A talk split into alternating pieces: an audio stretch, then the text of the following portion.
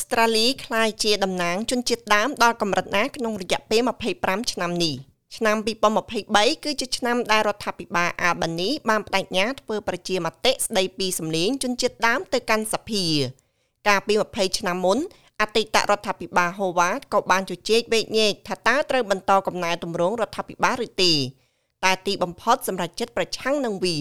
ដូច្នេះក្រោយពីទសវត្សរ៍កន្លងមក តើបញ្ហាសំខាន់នេះអូស្ត្រាលីឈានដល់កម្រិតណាហើយនៅខែឧសភាឆ្នាំ2020មហាជនបានដើរកាត់ស្ពាន Sydney Harbour Bridge ដោយអំពាវនាវឲ្យមានការផ្សះផ្សា សហប្រធាននៃក្រុមប្រឹក្សា Voice Senior លោក Marcia Langtong នៅអបតកម្មស្រដៀងគ្នានេះនៅទីក្រុង Melbourne ខ្ញុំចាំថាខ្ញុំដែរចុះទៅស្ពាននៅទីនោះនៅក្នុងទីក្រុង Melbourne ដោយគិតថាអូ ពួកយើងទៅម្ដងទៀតនឹងមានមនុស្សប្រហែល50នាក់ទេប៉ូលីសនឹងមានចំនួនច្រើនជាងពួកយើងម្ដងទៀតខ្ញុំពិតជាភ្ញាក់ផ្អើលពេលឃើញមនុស្សរាប់ម៉ឺននាក់ហើយបន្ទាប់មកមើលទូរទស្សន៍នៅយប់នោះឃើញថារឿងនេះបានកើនឡើងទូទាំងប្រទេស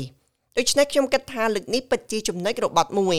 នៅឆ្នាំនោះក្រុមប្រឹក្សាសម្រាប់ការផ្សះផ្សាជាតិបានបង្ហាញដល់រដ្ឋាភិបាលហូវ៉ាតនៅផែនទីបង្ហាញនៅផ្លូវសម្រាប់ផ្សះផ្សា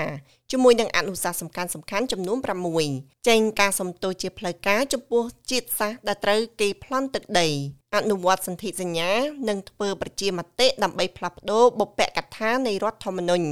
ដើម្បីទទួលស្គាល់ជនជាតិដើមជាជនជាតិដើមដំបូងរបស់ប្រទេសអូស្ត្រាលី នៅពេលនោះប្រធានក្រុមប្រឹក្សា Evan Scott បាននិយាយថាវាអាស្រ័យលើប្រជាជនអូស្ត្រាលីដើម្បីដើរជាមួយគ្នាឆ្ពោះទៅរកការផ្សះផ្សាក្រុមប្រឹក្សាអាចបំភ្លឺផ្លូវតែប៉ុណ្ណោះវាមិនអាចផ្ដល់នៅលទ្ធផលបានទេវាអាស្រ័យទៅលើរដ្ឋាភិបាលក្រុមហ៊ុន និងយើងម្នាក់ម្នាក់នៅក្នុងការស្វែងរកផ្លូវបំភ្លឺឆ្ពោះទៅរកការផ្សះផ្សាយូរអង្វែង។ រដ្ឋាភិបាលហូវ៉ាតនៅទីបំផុតបានពិចារណាលើអនុសារណៈរបស់ក្រុមប្រឹក្សាពីឆ្នាំក្រោយមកក្នុងឆ្នាំ2002អនុសាសន៍3ក្នុងចំណោមនោះត្រូវបានគេបដិសេធទាំងស្រុង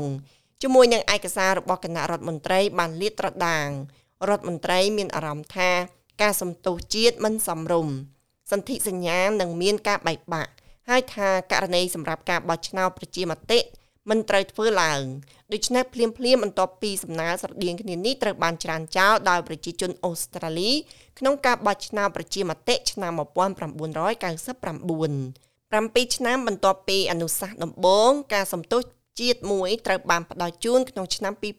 2007ដោយនាយករដ្ឋមន្ត្រីនៅពេលនោះគឺលោក Kevin Rudd យើងសូមអភ័យទោសចំពោះច្បាប់និងគោលនយោបាយរបស់សភា និងរដ្ឋាភិបាលជាបន្តបន្ទាប់ដែលបានបង្កទុក សោកតនីតកម្មយ៉ាងអណធមនិងធ្វើទុកបុកម្នេញនាំឲ្យមានការបាត់បង់ជីវិតប្រជាពលរដ្ឋអូស្ត្រាលីរបស់យើងនៅរវាងឆ្នាំ2020និង2023រដ្ឋាភិបាលសហព័ន្ធអាបានីបានបដិញ្ញាធ្វើប្រជាមតិទទួលស្គាល់ជនជាតិដើមភាគតិចនិងជនជាតិដើមភាគតិច Torres Strait Islander នៅក្នុងរដ្ឋធម្មនុញ្ញនិងដាក់បញ្ចូលសម្លេងជនជាតិដើមភាគតិចទៅកាន់សភា មុខតំណែងរបស់សម្ព័ន្ធគឺបាក់បែកហើយនេះគឺជាសម្ដីរបស់មេដឹកនាំគណៈបកជាតិលោក David Littleproud ជាអកសរពួកយើងបានទៅដល់ទីតាំងមួយដែលយើងមិនជឿថាវានឹងបិទគម្លាតយ៉ាងពិតប្រាកដដូច្នេះគណៈបកជាតិបានដាក់ចំហមួយថាយើងនឹងមិនគ្រប់គ្រងសម្លេងនៅសភាគណៈបកសេរីនិយមមិនទាន់បង្កើតមុខតំណែងនៅឡើយទេប៉ុន្តែអតីតនាយករដ្ឋមន្ត្រីរបស់គណៈបក Liberal លោក Amanda Watson និយាយថាមានការប្រួយបារម្ភពិតប្រាកដអំពីដំណើរនៃសម្លេងនៅសភាការប្រួយបារម្ភជាពិសេសរបស់ខ្ញុំចំពោះវាគឺនៅពេលដែលពួកគេធ្វើរបាយការណ៍ទៅកាន់សភាអនុសាសន៍ដល់កម្រិតដែលរបាយការណ៍ទាំងនោះមិនត្រូវទទួលយក